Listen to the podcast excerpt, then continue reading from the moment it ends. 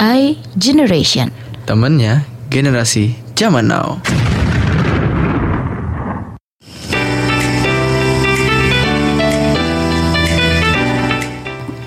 I Generation. Temannya generasi zaman now. Yes. Balik lagi, terus balik lagi dan balik lagi. Ya sampai kamu nggak pernah pergi dari aku. Eh, Gitu. siap gitu ya. Di hari Sabtu yang sangat ceria. Iya Apalagi- selalu ceria apalagi besok apa? Minggu kan Eh, iya bener Libur ya. Libur kan Tapi nggak apa-apa buat eh, sahabat Aijen juga yang hari ini mungkin ada ekstrakurikuler. Ya bener ya? Kurikuler. Ekstrakurikuler.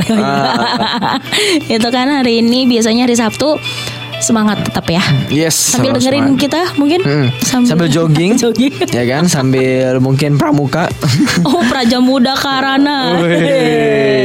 Nggak apa-apa, itu tetap eh, setia dengan kita di sini. Waduh. Ya Setia mama Tuhan ter Eh, Tapi dengerinnya kita Eh, Asik Sama kamu aja setia, apalagi sama Tuhan. Gue kebalik Eh, kebalik. Sama Tuhan yang setia Iya Apalagi sama kamu Eh, catat dia mau grand nih ntar Wih. buat gombalin. Ada Tinta ter yang gak pernah hilang Ah, apa tuh? Tintaku padamu Tinta. Gila satu gombal guys oh, ini udah dapat ininya ya. Udah dapet. Udah dapat inspirasinya ya. Ya moodnya udah balik lah ya Luar biasa. Sampai nanti di pukul 4 sore sahabat Aijen bersama dengan Esther dan Grand akan memulai perdebatan hari Perdebatan. ini. Oke. Bukan ya. Oh, perdiskusian. Per dis Ya diskusi aja Ya, ya. diskusi Per- aja nggak usah pakai peran ya. Ada apa nih? Kok ada perpernya nih? Ada apakah perasaannya bermasalah? Oh perasaan kayaknya eh, habis membahas sesuatu dengan Grand jadi ya rasanya Oh bergejolak gitu ya. bergejolak gitu kan. Ya tapi nggak apa-apa lah sahabat Aijen. Semua itu penuh dengan liku-liku gitu kan. Iya. hidup penuh liku Oh, salah jadi nyanyi gue Kalau teman-teman punya masalah, ya itu berarti saudara-saudara, teman-teman dan semua yang mendengar masih hidup, oh iya bener gitu kan? Em, belum meninggal ya Belum meninggal, hanya orang mati yang gak ada masalah ya kan? Iya benar. Eh ngomong-ngomong tentang meninggal, Oh iya, asik. asik. Pas. Bridgingannya pas ya. Cakep.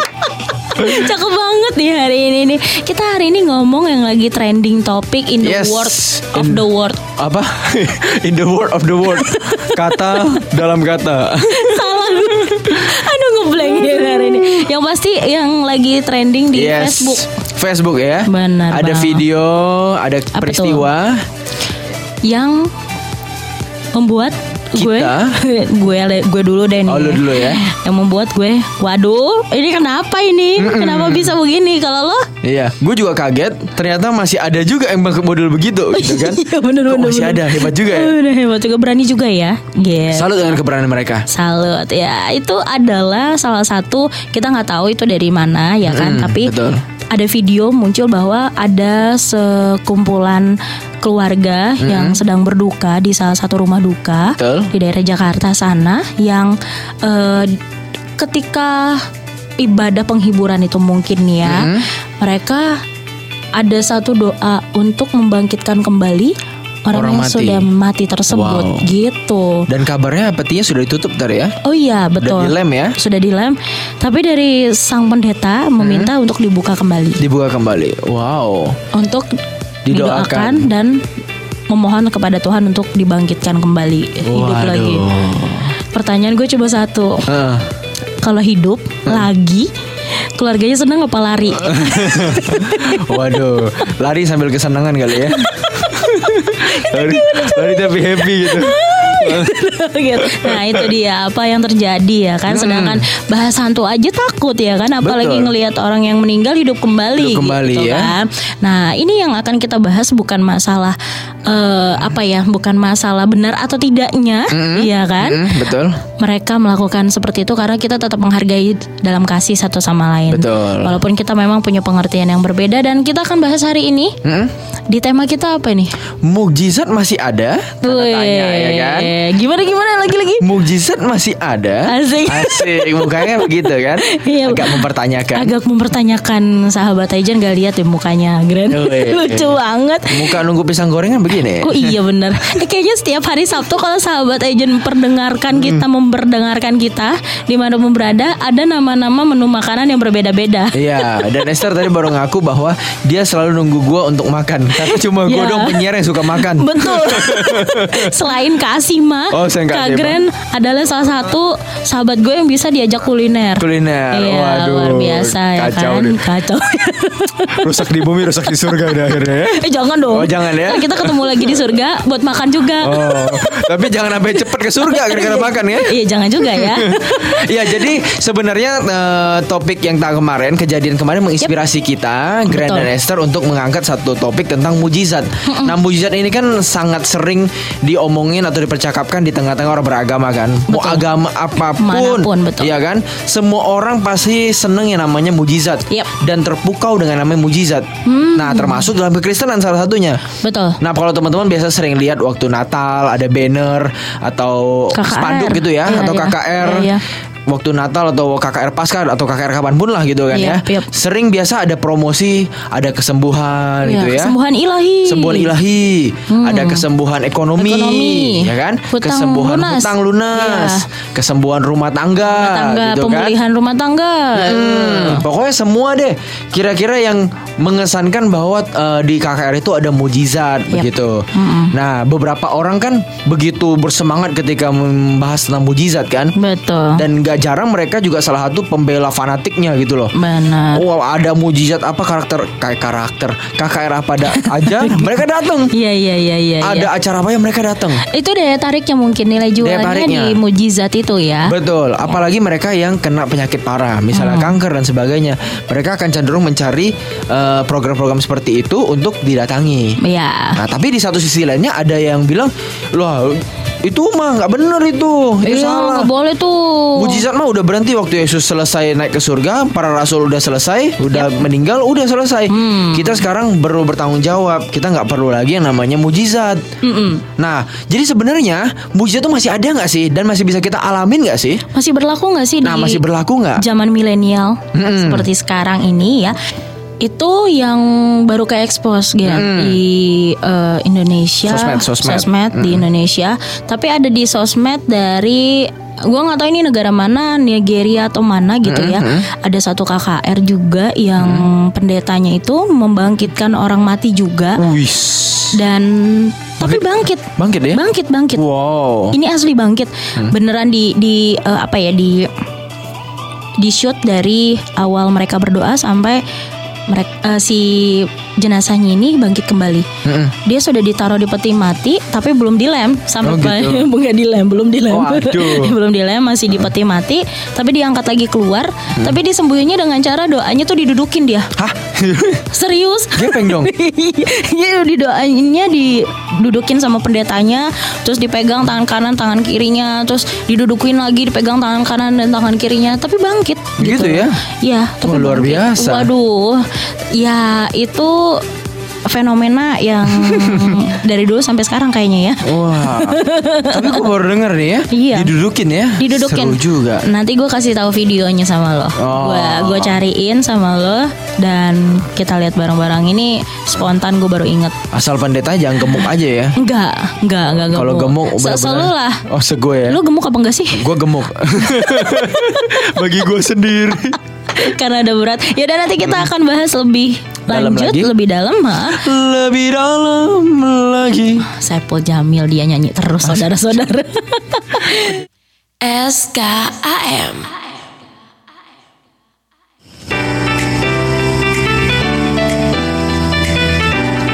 Kembali lagi di iGeneration. Temannya Generasi Zaman Now. Zaman Now. Wih.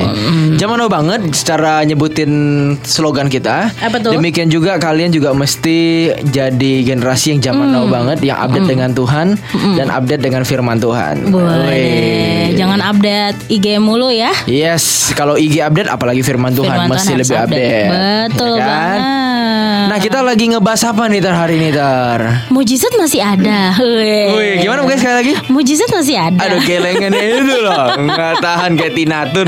iya, kan mirip. Mirip ya? Iya. Hmm. Tapi sekarang udah kurus. Oke. Dan dia di, DPRD ya. Oh, iya, udah masuk dia ya. Selamat ya. ya Katina Tun. Selamat. Katina. Padahal denger juga enggak. eh tapi semoga denger loh. Siapa tahu Siapa kan? tahu. Nah. Di endorse dong kita. Ini ngomongin tentang mujizat Hmm, ya keren ya.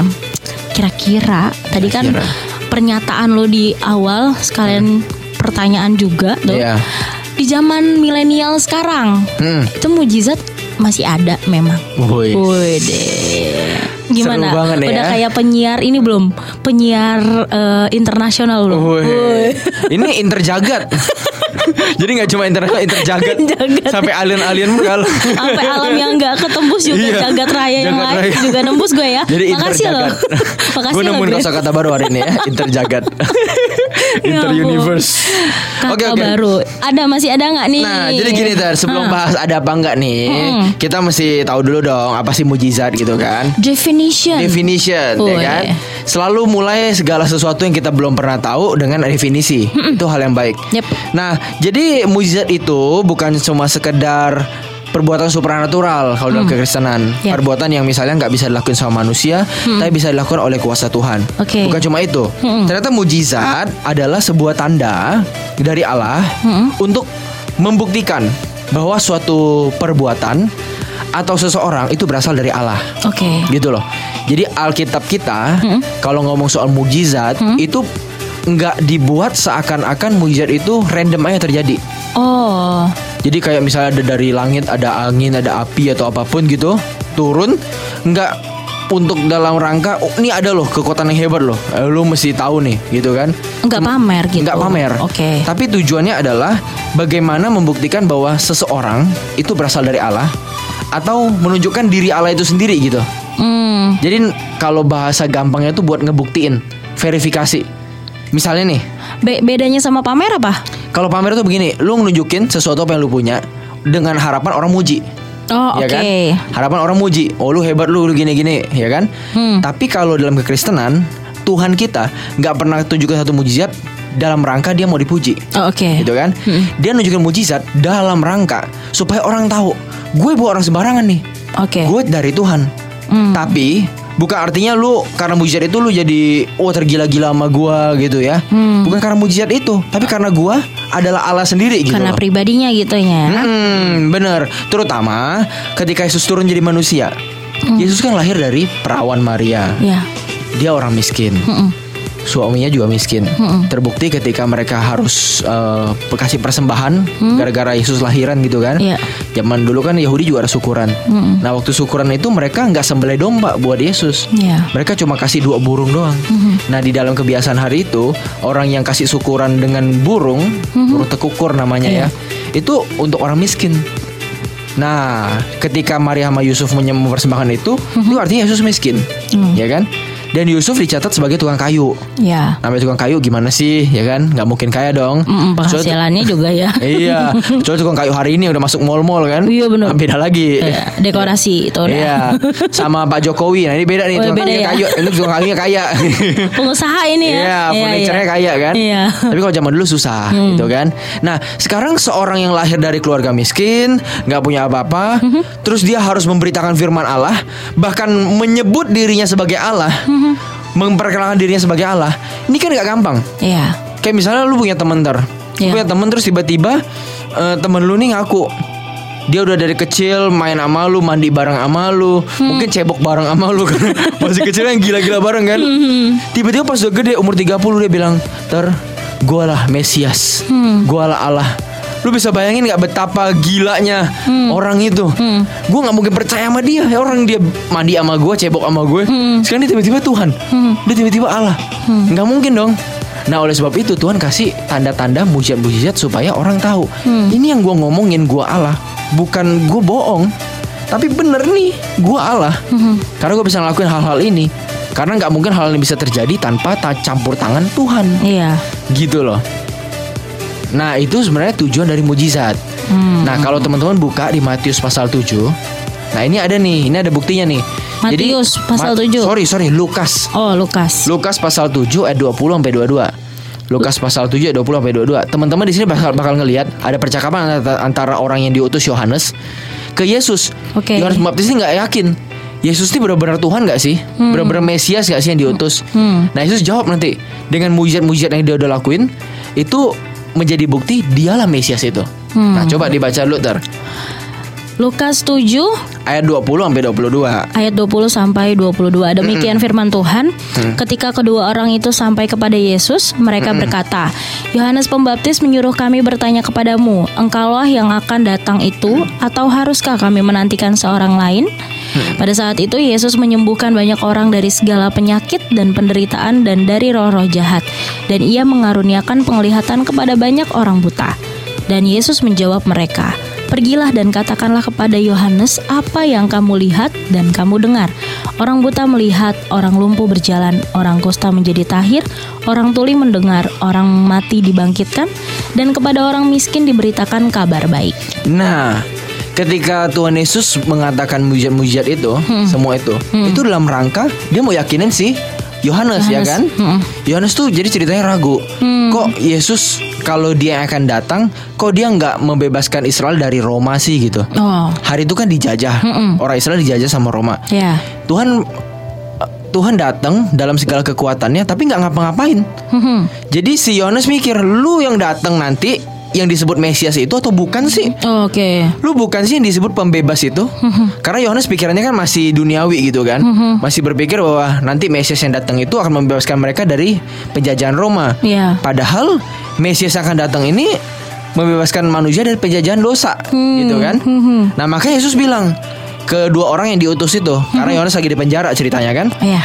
Tuhan bilang ke mereka, "Eh, kira-kira begini nih. Eh, lu bilang ke Yohanes, kalau dia masih nggak yakin, lihat apa yang gue lakuin. Gue bukain mata orang buta, orang tuli denger, orang mati bangkit. Iya. Semua gue sembuhin yang sakit. Setan-setan gue usir. Semua ini tandanya, gue dia yang akan datang itu. Gue adalah dia yang akan datang itu. Dan lu nggak perlu beragu. Nah, jadi di sini kita bisa ngelihat Yesus melakukan mujizat tujuannya bukan untuk dia pamer, bukan untuk supaya dia kelihatan kuat. Tapi memang itu perlu untuk memastikan bahwa dia benar-benar Allah. Hmm. Orang kan bingung. Ini Allah bukan nih. Ya. Allah kok manusia? Allah kok lahir dari tukang kayu? nggak mungkin dong. Mhm. Nah, tapi kan Allah punya cara yang berbeda. Dia ngerendahin diri jadi manusia yang miskin supaya bisa nyelamatin manusia kan? Yep. Nah, tapi orang nggak ngerti ini. Jadi cara ngerti gimana? Yesus mesti ngomong sendiri. Terus ngomongnya mesti ditopang sama bukti. Buktinya apa? Dia bisa ngelakuin ini, dia bisa ngelakuin itu. Sehingga orang-orang baru bisa percaya. Nah, itu Oh. sebenarnya mujizat. Iya, Jadi bukan iya. tanda yang membuat orang Wah hebat nih kita suka mujizatnya Bukan Tapi mujizat itu sebagai tanda bahwa Lu mesti ngakuin Yesus itu Tuhan loh Yesus itu Allah loh Gitu Intinya mau dikagumi, mau diakui sama orang lain, mau dipuji sama orang lain, Tuhan Yesus nggak peduli ya. Gak peduli Dia ingin membuktikan bahwa dia memang benar-benar berasal dari Bapa dari Allah Hmm. gitu ya. Nah, kalau misalnya kita lihat nih ya, flashback gitu ya, Flashback. kilas balik lah dari kisah-kisah Alkitab. Oh ini, kayaknya Tuhan Yesus tuh murah hati sekali Heeh. untuk memberikan mujizat kepada setiap orang yang beliau temui kan. Mm-mm. Orang kusta sembuh, Sembuhin. sembuh kan. Terus lima roti dan dua ikan, wah itu mujizat yang besar-besaran tuh yang Tuhan Yesus lakukan kan. Eh, berjalan di atas air tuh mujizat juga gak sih? Mujizat juga ya Bisa juga kan? Ya pokoknya setiap orang yang beliau temui Tuhan mengizinkan adanya mujizat itu terjadi. Mm-mm. Gampang banget kayaknya dapat mujizat zaman itu ya. Mm-mm. Ada kriteria nggak sih sebenarnya di zaman itu? Apakah ya ya waktu zaman dulu ya Tuhan murah hati aja untuk bisa menunjukkan bahwa dirinya adalah yang berasal dari Allah itu sendiri. Betul. Itu Grand gimana ya? Nah gini ter Hmm. Jadi kalau soal mujizatnya agak unik nih Kok bisa sih zaman dulu banyak mujizat gitu Iya, ya iya, iya. Sedangkan hari ini kayaknya kok biasa-biasa aja gitu Iya. Nggak terlalu banyak Perbandingannya sih juga. itu sih iya iya. gitu ya. Nah, karena begini ter, mujizat itu tujuannya memang untuk membimbing orang atau nganterin orang supaya kenal Allah, Oke. gitu kan? Dari orang yang gak kenal Allah, dia lihat mujizat, dia lihat wah ini bener nih, Hmm. dia bisa nyembuhin gua nih, dia bisa bikin gua lumpuh, eh eh, dia bikin gua lumpuh terus berjalan gitu kan? Bukan Iya. bikin gua lumpuh tapi maksudnya gua lumpuh dulu tapi sekarang gua jalan gara-gara dia. Iya. salah salah penafsiran nanti. Slip of tongue ya, slip of tongue. Iya, gue lumpuh tapi sekarang gue bisa jalan. Nah, karena semua yang dilakukan itu dia bisa kenal Tuhan. Oke. Nah, kenapa zaman dulu itu begitu banyak mujizat waktu Tuhan Yesus datang ke dunia? Karena memang hari itu orang nggak mengenal siapa Allah yang benar. Oke. Siapa sih Allah? Orang nggak kenal. Makanya untuk memperkenalkan dirinya, Tuhan Yesus melakukan itu. Hmm. Tuhan Yesus melakukan itu. Karena tidak ada pengenalan Nggak kenal, nggak kenal. Allah waktu itu ya. Betul. Jadi Allah itu dipahami ya nggak mungkin kelihatan Oh. jauh. Tapi sekarang ternyata kelihatan. Oke. Nah cuma kan zaman itu tantangannya adalah mereka akan merasa aneh kalau bilang Allah itu bisa kelihatan apalagi jadi manusia. Nggak mungkin. Iya iya iya. Nah gimana cara menembus kemustahilan itu? Hmm. Tuhan mesti lakuin mujizat. Ya. Nah itulah kenapa orang-orang zaman dulu bisa gampang dapat mujizat. Karena mereka belum kenal Allah. Mereka belum dewasa. Mereka harus dipimpin dengan mujizat. Dikasih lihat Supaya mereka tahu Oh ini loh ternyata Allah yang benar. Gitu. Sehingga ada eh, bukti atau verifikasi Bahwa Yesus benar-benar Allah. Nah itu juga terjadi kenapa di zaman sekarang Mujizat juga kadang-kadang jarang terjadi bagi orang-orang Kristen yang udah lama. Iya. karena lu udah kenal Allah gitu loh. Tapi ter jangan salah, kalau di daerah-daerah, di kampung-kampung, di wilayah-wilayah terpencil di mana orang nggak kenal Tuhan, Mm-mm. wah itu hebat banget. Apanya tuh hebat? Penginjil, Heeh. penginjil itu bisa kalau dia doain orang, orang itu mati bisa bangkit. Hmm. Orang itu sakit bisa sembuh. Buta ngelihat. Hmm. Kita bisa banyak baca banyak cerita misi, banyak cerita-cerita penginjilan yang di mana kalau waktu dia nyembuhin orang, setelah orang itu sembuh, terutama itu kepala sukunya, satu suku bertobat semua. Oke. Iya kan? Nah Tuhan tunjukin kuasanya lewat itu. Tapi jangan salah, ada juga tempat di mana misalnya di kota-kota, Tuhan nggak kelihatan kayak nggak berkarya sama sekali. Oke. Tuhan diem, Iya kan? Ketika KKR dilangsungkan dua dari seribu orang yang maju buat disembuhkan, paling cuma lima atau 10 orang yang sembuh. Iya. Sedangkan yang 900-an lebih nggak sembuh. Nggak Kenapa? sembuh, Benar. Karena levelnya harusnya bukan di situ. Hmm. Nah, jadi mujizat itu sebenarnya seiring pertumbuhan pengenalan seseorang akan Tuhan. Oke. Makin dia belum kenal, makin banyak dia bisa ngalamin mujizat. Hmm. Tapi makin banyak dia sudah mengenal, makin Tuhan nggak kasih. Teru- Oh. gitu. Terutama buktinya kapan? Waktu di zaman gereja purba dulu, Mm-mm. waktu zaman gereja mula-mula ketika Yesus naik ke surga, Iya. terus murid-muridnya penginjilan gitu kan. Mm-mm. Setelah tahun sekitar 100 200, waktu penganiayaan orang Kristen itu begitu gila, begitu masif, Mm-mm. itu Tuhan juga nggak nggak ngasih mujizat. Jangan sih mujizat betul. Iya kan? Ketika gigi-gigi harimau gigitin orang-orang Kristen hari itu, Iya. api-api eh, yang dipakai oleh pemerintah Roma untuk membakar tubuh orang Kristen, Iya. waktu api itu menjilat badan mereka, Mm-mm. itu api itu nggak hilang. Gigi harimau itu nggak putus gitu nggak ompong tiba-tiba Atau kumpul nggak kumpul tiba-tiba gitu loh nggak jadi binatang yang melucu tiba-tiba gitu kan Ih, gemes, gitu Gemes. ya. Enggak ya. ya tetap mengerikan dan akhirnya benar orang Kristen mati. Mati, betul. Tuhan nggak ada pembelaan. Dan kita lihat mujizat Tuhan seakan-akan menipis gitu ya. Stoknya habis. Kenapa? Bukan stoknya habis, tapi memang pengenalan kita akan Tuhan, pengenalan mereka akan Tuhan telah bertumbuh. Sehingga mereka bisa percaya kepada Tuhan meskipun mereka tidak melihat pertolongan Tuhan. Iya. Nah, itulah ciri-ciri rohani yang dewasa. Hmm. Nah, kalau zaman sekarang kan kebalik. Orang atau banyak pengajar yang bilang begini, makin kamu mengenal Tuhan, makin kamu mengalami banyak mujizat. Hmm. Tapi padahal di hidup kita biasa aja, nggak banyak. Iya. Malah yang lebih banyak itu masalah penderitaan, cobaan gitu kan. Mm. Nah, itu artinya sebenarnya ajaran-ajaran itu sebenarnya ajaran-ajaran yang nggak benar. Mm. Justru semakin kita dewasa, makin kita mengasihi Tuhan, makin kita jadi anak Tuhan, Mm-mm. kita masih me- mesti makin mikirin kepentingan Tuhan, bukan kepentingan kita. Iya. jangan maksa.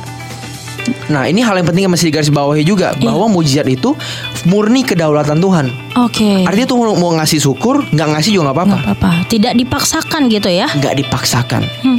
Jadi kalau ditanya mujizat masih ada nggak? Masih ada lah. Hmm. Selama masih ada Tuhan yang maha kuasa, selalu ada mujizat, Iya. selalu ada mujizat. Kecuali Tuhan yang maha kuasa itu udah nggak ada, berarti nggak ada mujizat lagi. Iya betul. Jadi sangat lucu kalau kita nggak percaya mujizat. Hmm. Tapi begini, apakah kita akan selalu berharap sama mujizat? Iya. kita sakit karena kita makannya banyakkan minyak ya kan pisang goreng berlebihan martabak berlebihan gitu kan Iya. Ini membunuh diri sendiri dulu deh Membuli diri sendiri dulu ya Iya kan? kan? Baru orang. terus sakit radang tenggorokan Iya. masuk rumah sakit dua hari dirawat inap Iya. lu doa ke Tuhan malu nggak sih Iya. kan malu ya kita ya lu bisa misalnya nilai ujian jeblok Hmm. dapat tiga dapat dua teman-teman dapat 9 100 8 gitu kan Mm-mm. Terus lu bilang lu nggak dapat mujizat Tuhan Tuhan nggak tolong lu lu malu nggak sih lu nggak belajar Iya. gitu loh. Nah, mujizat itu sebenarnya kedaulatan Tuhan tuh mau kasih apa enggak terserah dia. Mm. Tapi yang bagi bagian kita, kita lakuin apa jadi tanggung jawab kita itu loh. Iya. Nah, itulah maksudnya kenapa mujizat hari ini nggak ada sih? Terlihat seperti tidak Terlihat ada. seperti nggak ada Iya, kok iya. bisa. Karena mungkin kalian adalah salah satu orang yang Tuhan anggap sudah cukup dewasa untuk bisa jalan bareng sama Tuhan. Hmm. Gitu, bukan Ya. digendong oleh Tuhan lagi, tapi jalan bareng. Orang yang jalan bareng itu udah kayak anak sama bapak. Anaknya ini udah dewasa. Hmm. Waktu dia udah dewasa, dia bukan hanya minta gendong bapaknya lagi, Hmm. bahkan nggak sama sekali. Hmm. Tapi dia bisa nuntun bapaknya jalan, Iya. gitu loh. Tuhan nggak perlu kita tuntun emang, tapi kita perlu menderita bersama dengan Dia dalam jalan salib. Iya. Nah, jadi mujizat bukan sebuah hal yang harusnya membuat kita jadi ragu kalau nggak ada. Hmm. Iya. Ada nggak Tuhan? Ada nggak Gi? Kok Tuhan jadi nggak ada mujizat lagi? Harusnya enggak. Ya. Ketika kamu makin bertumbuh, kamu percaya meskipun dia nggak kelihatan, tapi berbahagialah orang yang tidak melihat namun percaya. Hmm. Gitu. Tapi gimana kalau misalnya ada eh, beberapa sahabat Aijen yang eh, mungkin sekarang sedang berpikir, tapi ini Grand kalau misalnya gue berharap ada mujizat dalam hidup gue, boleh nggak sih? Misalnya kayak sekarang eh, gue lagi sakit, ya memang salah gue, gue minta maaf sama Tuhan, tapi gue selalu berharap Tuhan memberikan mujizatnya buat gue. Itu gimana menurut Grand? Nah, itu boleh ter. Hmm. Berharap pada mujizat itu tidak salah. Hmm. Kalau memang kita masih di tahap kita berharap mujizat, Mhm. itu nggak masalah bagi kita. Ya. Karena apa? Setiap orang punya pertumbuhan rohani masing-masing. Hmm. Kalau teman-teman merasa bahwa teman-teman butuh mujizat, perkatakan itu pada Tuhan. Hmm. Dan ingatlah bahwa Tuhan selalu akan memberikan apa yang kita butuhkan. Ya. Tapi teman-teman ingat satu hal.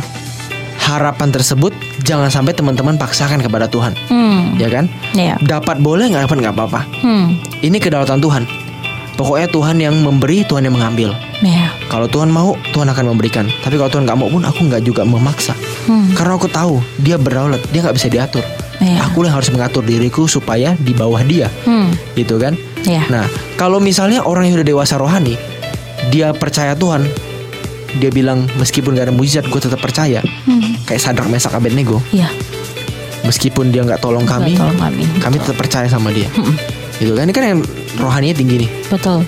Tetaplah dalam kepercayaan itu. Hmm. Tapi bagi teman-teman yang belum sampai situ, jangan teman-teman juga merasa, aduh, aku jadi nggak berani minta, nggak berani doa sama Tuhan soal mujizat. Jangan juga. Hmm.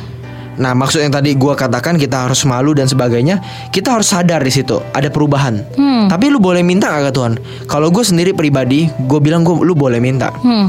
Karena level rohani lu memang masih level rohani yang perlu untuk Tuhan bimbing sampai nanti dewasa. Iya. Dan itu nggak salah. Hmm. Sama kayak anak kecil, kita nggak bisa paksain dia jadi dewasa dalam sekejap. Dan itu hal yang wajar. Asal teman-teman begini, jangan memaksakan. Gitu, jangan maksa. Hmm. Jadi orang yang benar-benar taat sama Tuhan, tapi juga lembut, mintanya lembut sama Tuhan. Yep. Gitu loh ter. Tapi dalam satu sisi pun, eh, kalaupun kita mengharapkan mujizat, mungkin eh, yang harus kita garis bawahi adalah fokus kita bukan ke situ ya, Gren ya. Betul. Fokus kita lebih kepada ketika kita menginginkan mujizat tetapi tidak Tuhan kabulkan misalkan itu bukti bahwa Tuhan masih ingin mendewasakan kita lewat Betul. penyakit kita. Tuhan ingin menyadarkan kita lagi untuk kita bisa lebih dekat lagi sama Betul. Tuhan. Walaupun memang mujizat masih kita harapkan. Mm-mm. Nah, kalau begitu nanti kita akan bahas lagi. Kira-kira apalagi sih tentang mujizat ya kan?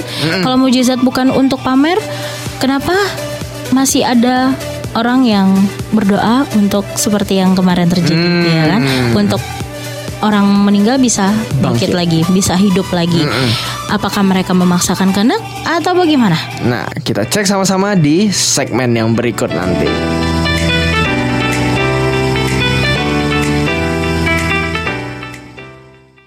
SKAM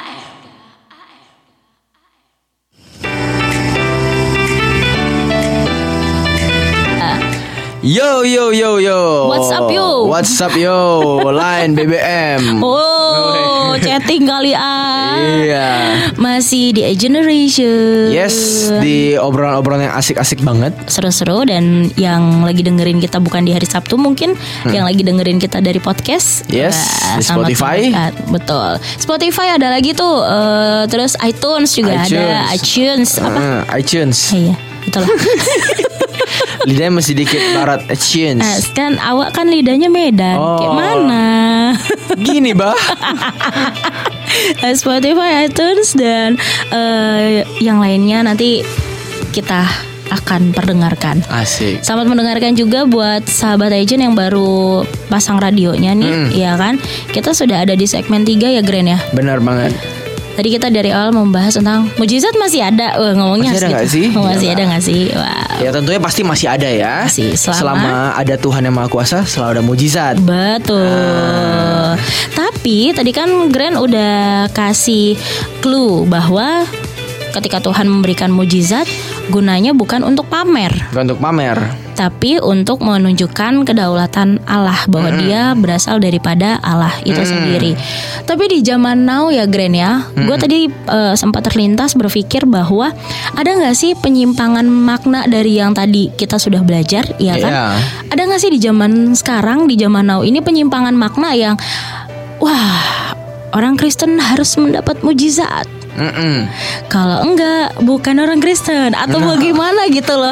Eh, definisi yang salahkah eh, atau eh, bukan salah sih, tergeser kah definisi itu dipakai di zaman sekarang tentang mujizat itu makanya mungkin terjadi hal yang kemarin ya yang kita saksikan di media sosial. Betul. Jadi pertama mujizat tuh sekarang jadi dipahaminnya jadi kayak bukti iman gitu loh. Oh, Jadi kalau lu nggak ngalamin mujizat, lu nggak ada iman. oh, Dan lu mesti buktiin iman itu dengan lu berani minta ke Tuhan. oh, Bahkan ada satu pengajaran yang bilang, lu kalau minta ke Tuhan, minta mujizat, lu mesti desak dia. eh, Lu mesti paksa dia. gitu, pasti paksa sampai Tuhan ngerasa nggak enak dan kasih mujizatnya ke lu. sampai Tuhan merasa nggak enak. Heeh. Itu ada satu pendeta ngomong bahkan mungkin lebih ekstrim dari gitu. Ini gue perhalus saja. Oke. Satu pendeta yang khotbah satu gereja lumayan gede. Mereka bilang dia bilang sampai Tuhan itu harus merasa sampai tertuduh kalau nggak memberikan itu. Karena kamu saking ng- ngototnya ingin minta itu. Tuhan ingin melihat kesungguhan kamu. Berdoalah sampai Tuhan merasa seakan-akan tertuduh kalau tidak memberikan kamu.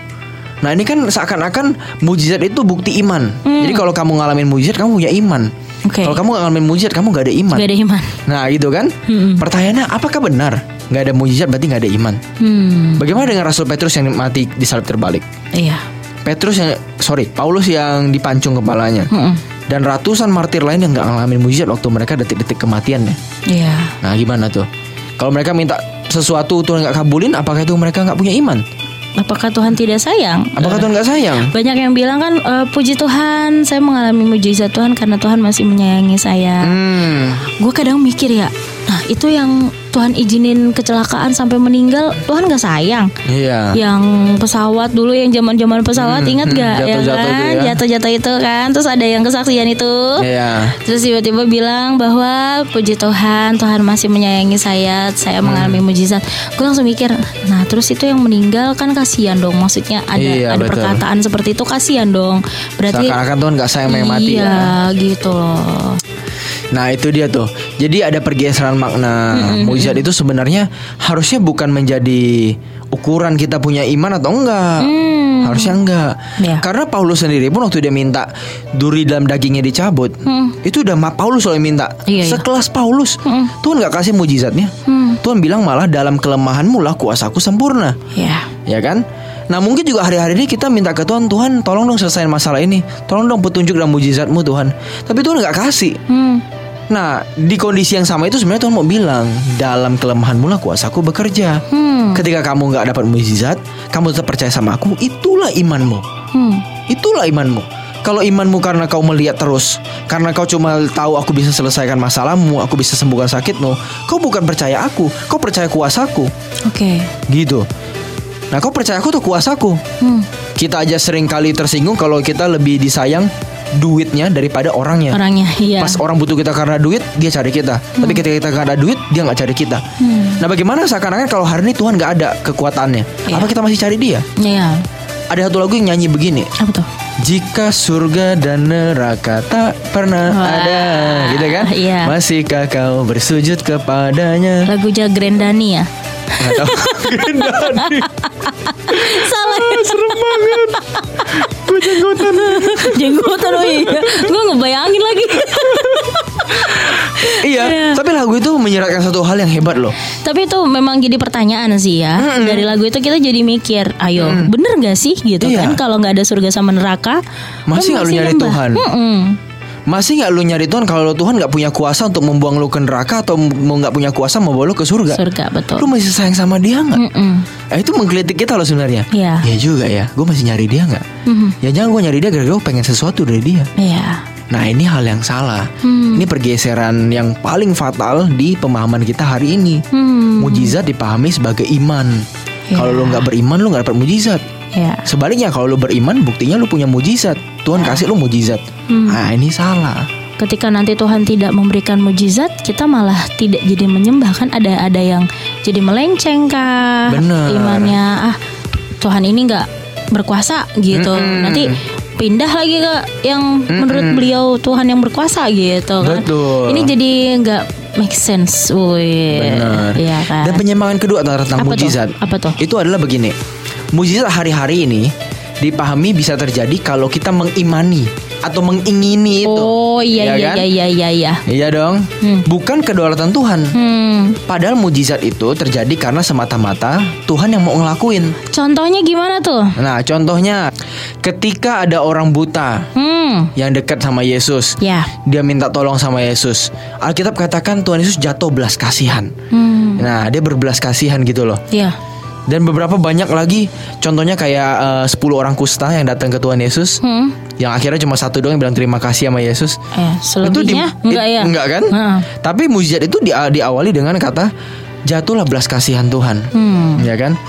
Artinya apa? Mujizat itu bukan kita yang mengatur itu diberikan atau tidak, Ya. Tapi itu adalah semata-mata karena belas kasihan Tuhan. Ya. Tuhan mengasihani kita. Hmm. Nah, terus bagaimana dengan si perempuan pendarahan? Nah, kita kan bertanya tuh. Hmm. Perempuan pendarahan kan dia gara-gara dia yakin aku pegang jubahnya, Jubahnya. aku pasti sembuh, gitu kan? Hmm. Nah, itu kan berarti bisa iman kita mengatur Tuhan, istilah gitu ya. Iya, iya. Iman kita mengubah keputusan Tuhan bisa dong. Hmm. Nah, teman-teman kita mesti lihat dulu. Ini kasusnya beda, Ya. ya kan? Perempuan ini sudah dalam keterpurukan lama. Ya. Dia jadi orang yang najis, dijauhi orang-orang lain karena dia pendarahan terus. Itu udah lama banget. Mm-mm. Nah, terjadinya mujizat di dalam diri dia itu pasti sekehendak Tuhan. Meskipun dia berkata bahwa sekiranya aku jamah jubahnya aku pasti akan sembuh. Gitu kan? Mm-mm. Nah, itu terjadi karena dia yakin bahwa Yesus itu benar-benar orang yang bisa menyembuhkan dan di situ Allah ingin memberikan kesembuhan bagi dia. Hmm. Pasti sekehendak Allah. Ya. Nggak mungkin dia bisa ngubah keputusan Tuhan. Hmm. Allah pasti berkehendak bagaimana perempuan ini yang sudah lama sakit terus bisa mendatangkan kemuliaan bagi Tuhan dengan cara waktu dia megang jubahnya Yesus itu. Mm-mm. Akhirnya dia bisa sembuh. Nah dalam hal ini sebenarnya kita mesti tahu bahwa Tuhan itu dalam tanda kutip nggak bisa diatur. Ya. Yang ada kita memohon belas kasihan Tuhan. Kalau Tuhan mau, kalau Tuhan berkenan, Tuhan Tuhan sembuhkan. Tapi kalaupun enggak, kami tetap percaya sama Engkau Tuhan. Hmm. Nah itu orang Kristen yang dewasa. Nah Yep. perempuan tadi mungkin belum mengenal yang namanya kebenaran, sehingga responnya begitu. Aku pegang jubahnya, aku pasti sembuh. Kayak seakan-akan maksa Tuhan gitu ya. Betul. Tapi karena dia belum dewasa. Mm-mm. Tapi ketika kita sudah dewasa, kita berkata sama Tuhan, Tuhan, aku kalau boleh minta kesembuhan. Tapi kalau enggak juga enggak apa-apa. Mhm. Gitu. Grand, yang gue denger juga nih ya, Grand yang gue pelajarin sih waktu itu sih Asik, belajar nih ya. Belajar. Gue kan pelan-pelan mau ikuti jejaknya Grand Tapi masih kerenan Grand ke mana-mana Gak nah, jelas nih. nggak jelas ya. nah, itu perempuan yang sudah 12 tahun menderita pendarahan itu Grand. Hmm. Ternyata kenapa dia sampai detail mau menjamah jumbai jubah Tuhan Yesus. Hmm. Karena sebenarnya dia telah memiliki pengenalan, pengetahuan akan Tuhan sebelumnya. Hmm. Di balik jumbai jubahnya Tuhan Yesus, Tuhan Yesus itu ada apa gitu kan? Iya betul. Ternyata di zaman dulu tuh di zaman Yahudi sama Yunani, di zamannya beliau gitu ya, di zaman seorang perempuan ini, itu memang jumbai jubah Tuhan Yesus itu diperlengkapi memang untuk eh, penyembahan Mhm. zaman sekarang. Jadi kayak Betul. kerudung itu sekarang kayak gitu. Nah, itu dipakai nanti untuk penyembahannya Hmm. orang Yunani sama Yahudi. Kalau dulu kan nggak ada versi kita tepuk tangan atau gimana, Iya. versi mereka begitu. Nah, eh, itu dia percayai, dia dia kenal akan Allahnya, makanya eh, dia berani gitu loh untuk langsung mendekat sama Tuhan Yesus dan dia tahu itu Tuhan Yesus karena dia sudah memiliki pengenalan akan Tuhan Yesus, Grand Hmm. terlebih dahulu gitu loh. Dia sudah cari, dia sudah em, belajar tentang siapa anak Allah ini yang akan datang gitu loh. Makanya dia nggak nanya lagi, diperlengkapi juga dengan orang-orang yang di sekelilingnya bilang itu oh, Yesus itu Yesus. Dan Iya. dia makin yakin dengan dia mempelajari, dia melihat oh ini anak Allah itu. Makanya dia semangat untuk menar menjamah jumbai-jumbainya Tuhan Yesus itu dan dia percaya bahwa ber- eh, pendarahannya itu berhenti karena memang sudah memiliki pengenalan terlebih dahulu. Hmm. Gitu Grand Makanya di ending Tuhan Yesus bilang kan Hai anakku imanmu telah menyelamatkan engkau Awalnya Tuhan Yesus bilang Siapa yang menjamah aku Tuhan Yesus sudah tahu jadinya Udah ngerasa Iya. gitu Ah. Udah kena Karena memang di jubah-jubah Tuhan Yesus Kenapa nggak di jubahnya Tuhan Yesus saja Kan Tuhan Yesus kan punya kuasa di mana-mana Tapi Hmm. Iya. dia memiliki detail Jumbai jubah itu di ujung Di Jumbai ujubahnya itu kan di ujung kan? Ah. Karena di situ dia mempunyai kuasa Dia memiliki pengenalan Dan dia pegang itu Pegang dia itu. yakin nih karena dia bukan bukan sembarangan ah gue mau megang mananya mananya enggak gitu loh Gren. Hmm. jadi makanya Tuhan Yesus bilang imanmu telah menyelamatkan engkau. Imannya di situ maksudnya adalah pengenalan yang benar akan Allah yang telah menyelamatkan dia gitu Jadi dia mengakui kuasa Tuhan gitu Mengakui ya, kuasa otoritas Tuhan. betul jadi Dengan tujuan- menjamah jubah jumbai jubah itu. Betul. Sebenarnya tujuan dia bukan hanya untuk pendarahannya berhenti, tapi dia Hmm. ingin menyembah Tuhannya dengan menyentuh jumbai. Oh, jubahnya. begitu. Gitu. Jadi sebenarnya di sini mujizat bukan hanya untuk kesembuhan pribadi Iya, gitu-gitu betul, ya. Betul, betul. Tapi juga memimpin orang kepada keselamatan ya. Betul, betul. Keselamatan jiwanya betul, betul, betul. Mm-mm, jadi kalau mujizat bukan untuk pamer dan bukan untuk mempermudah hidup, mujizat itu untuk membimbing orang kepada keselamatan. Yap. Itu tujuannya ya. Yap, betul. Apalagi pamer sama mempermudah hidup itu kayaknya nggak banget deh ya. Misalnya pamer bahwa kita bisa mempromosikan kuasa Tuhan Iya, gitu ya. benar, benar. Itu sama kayak orang Israel zaman dulu kayaknya sih. Kenapa tuh? Mereka kan mengangkat Yesus sebagai raja, Hmm. mau bilang Yesus sebagai raja karena mereka lihat ke- kekuatan Tuhan, perbuatan-perbuatan ajaib yang Tuhan lakukan. Hmm. Nah, dengan harapan Yesus ini jadi mesias politik yang bisa dipamerkan di depan orang Roma, ya kan? Dan lu oh, lu kalah nih pasti nih sama jagoan gue nih, gitu kan? Iya, iya. Nah, ternyata mujizat Tuhan Yesus gak buat pamer. Hmm, Ya kan? hmm, Dia, iya. dia menolak untuk memamerkan itu. Hmm. Ketika dia diangkat dari raja, dia pergi. Iya, Ada satu betul. scene di situ kan? Betul. Dia lari. Hmm. Ternyata emang mujizat bukan buat pamer. Betul. Karena kalau kita pikir lagi ya nih sahabat Aijen, nih kalau misalnya kita meminta kebangkitan eh, dari orang yang sudah mati, kalau kita pikir lagi, suatu saat dia mati juga, Betul. iya kan? Hmm. Suatu saat dia mati juga. Kalau misalnya kita minta kesembuhan saat eh, orang sakit, suatu saat dia bisa mati juga. Hmm. Intinya sebenarnya balik lagi yang Grand bilang itu untuk menyelamatkan jiwa. Mm-mm. Kalau hanya untuk menyelamatkan tubuh, tubuh pasti akan mati Pasti lagi. binasa lagi. Binasa lagi. Betul. Nah, itu juga kita harus berpikir juga sampai situ ya, Grand. Bener. Waduh. Jadi dengan orang ngalamin mujizat, Yap. mekanismenya begini sampai dia bisa selamat ya. Hmm. Dia ngalamin mujizat, dia ngerasain Tuhan tuh ada, Hmm. ya kan? Dia berterima kasih sama Tuhan, dia bersyukur, dia mulai nyari Tuhan nih. Hmm, ya. Nah, sebelumnya kan nggak nyari Tuhan. Betul. Belum ada masalah, belum ada kesembuhan yang dia alamin. Dia nggak nyari Tuhan. Tapi ketika dia dapat masalah, mungkin sakit yang berat, tiba-tiba Tuhan kasih mujizatnya karena dia belum kenal Tuhan.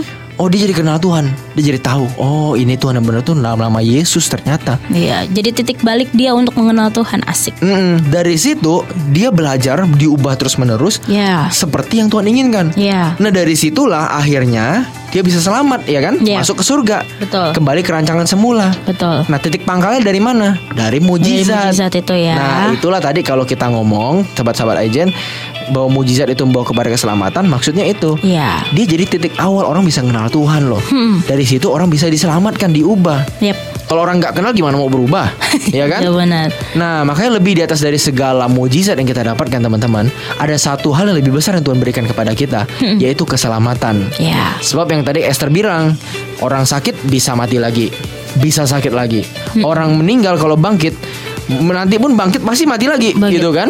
Karena ada ceritanya Grand, kenapa kenapa apa namanya gue bisa berani bilang eh, menyetujui juga yang lo bilang keselama eh, apa mujizat itu untuk keselamatan jiwa juga. Mm. Temen gue, ii-nya II-nya. pernah mati suri. Hmm, terus? Tapi memang bukan di eh, apa namanya bukan didoain untuk bangkit lagi enggak. Ah, ah, jadi? Tapi ini udah proses mau pemakaman. Hmm. Udah proses pemakaman ya kan. Udah ditutup petinya. Hmm. Udah doa mau pemakaman tiba-tiba petinya kegedor. Tuk tuk tuk tuk dari dalam. Hmm. Dan mereka semua pada kaget dong. Oh, horor dong. Horor itu memang benar-benar Horor. Itu horor banget dan eh, mereka senang Tuhan terima kasih telah memberikan mujizat. Hmm. Tapi nggak berapa lama satu minggu kemudian beliau men- Meninggal lagi. Hmm. meninggal lagi. Jadi di situ mereka sadar bahwa Tuhan ternyata kesempatan untuk eh, Tuhan membangkitkan kembali II untuk gue makin dekat sama II karena Hmm. Mereka ternyata berselisih paham. Ada Oh. maksud Tuhan gitu loh di balik semua ini. Tuhan Semua mengizinkan beliau bangkit. Beneran mati suri. Itu mau pemakaman. Betul. digedor-gedor ya kan? Mau- mau petinya gue kalau di situ gue udah nggak tahu mau ngapain ngeri banget gitu. Oh. benar-benar untuk keselamatan jiwa mereka semua. Sampai per detik ini melalui kejadian itu itu udah lama banget sekitar lima tahun. Gue mungkin eh, mungkin SMA kali ya udah lama-lama lu lima bukan lima tahun deh udah lama banget gitu itu sampai sekarang jadi pemersatu mereka karena mereka Oh. lihat kuasa Tuhan di situ bekerja Unik juga ya. unik unik banget gue baru ingat itu orang Chinese lagi temen gue Aneh tapi Cewek. nyata. aneh tapi nyata ya itulah Tuhan bekerja berkuasa melalui Dengan apa pun berbagai cara ya. berbagai cara untuk menyelamatkan setiap keluarga yang dia sayangi Betul, meskipun tanpa perlu didoakan secara khusus. betul.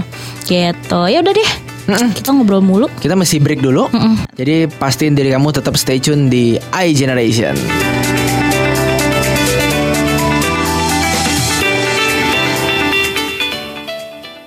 SKAM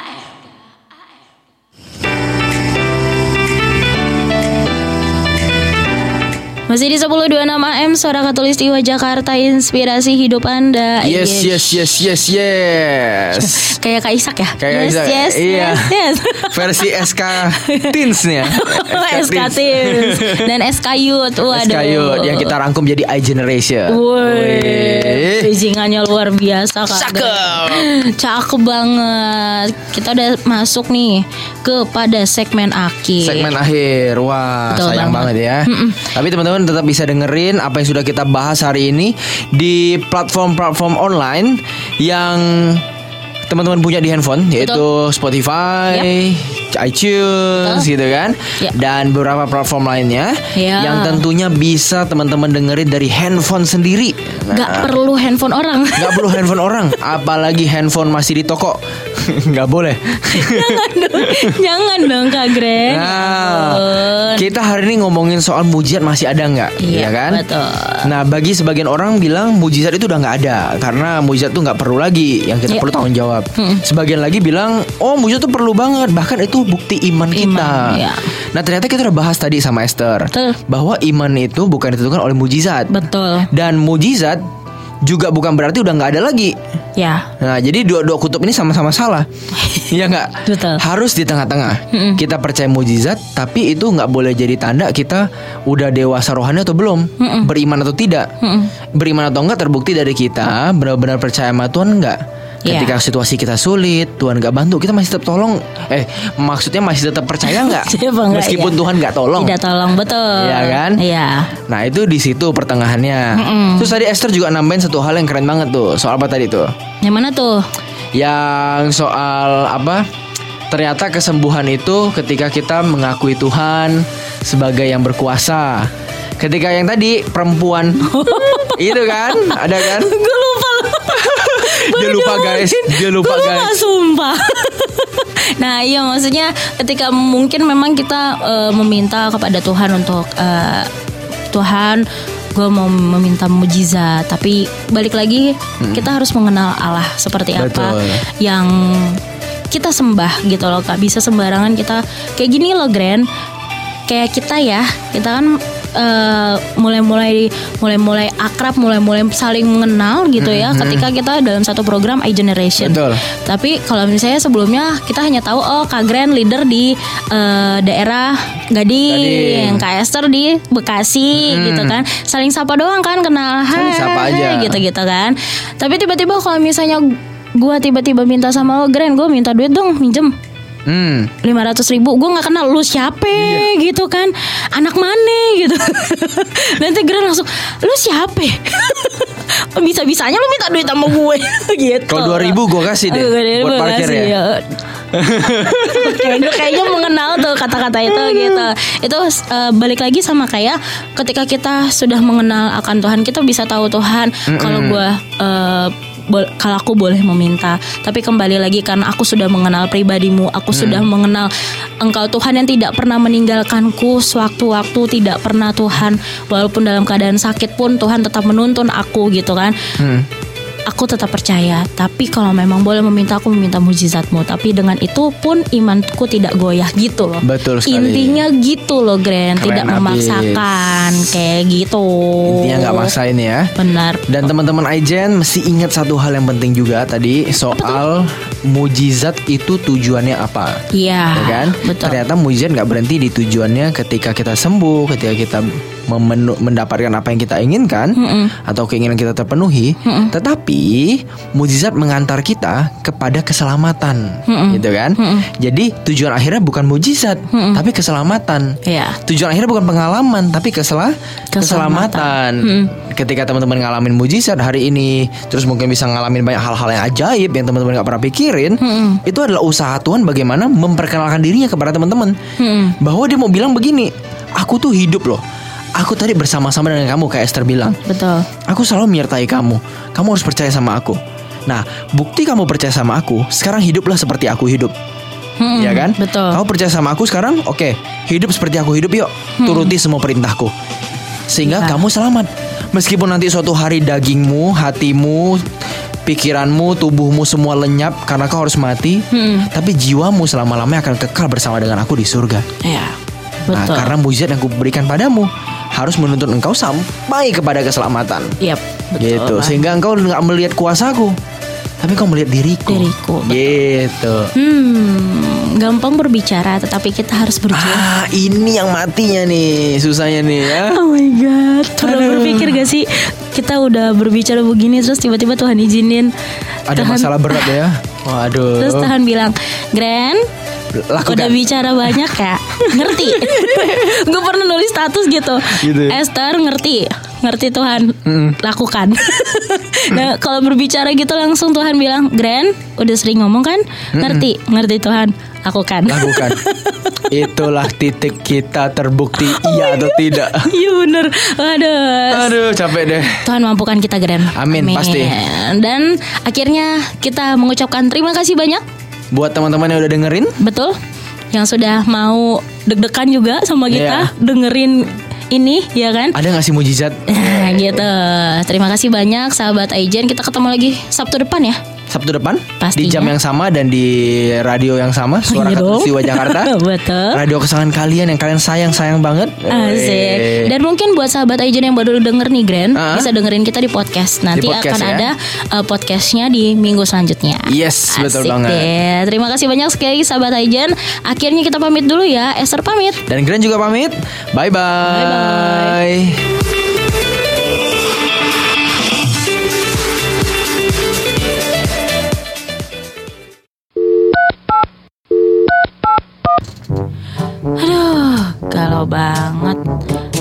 Sepi bener. Eh, kenapa lu galau-galau? Eh, eh, lu Grand. Iya nih, lagi galau gue. Si dia nggak hubung-hubungin nih, sepi banget HP. Cia ilah gitu aja galau lu. Iya nih, aduh. Hmm, daripada lu galau-galau, Apa tuh? lu bingung, HP lu sepi, mendingan kita sama-sama dengerin iGeneration. Apa tuh? Itu program buat semua remaja yang pengen tahu tentang banyak hal dan kita bakal bahas fun banget, keren banget. Wah, gitu. Di mana sih? Nah, itu ada di 1026 AM Suara Katulistiwa setiap pukul 2 sampai dengan 4 sore. Hari apa? Hari apa? Mau dong gue.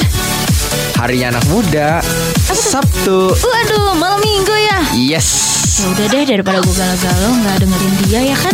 Mendingan dengerin iGeneration. Iya, dengan iGeneration HP lu gak sepi lagi. Nah, itu dia. Ya udah, thank you, Greg.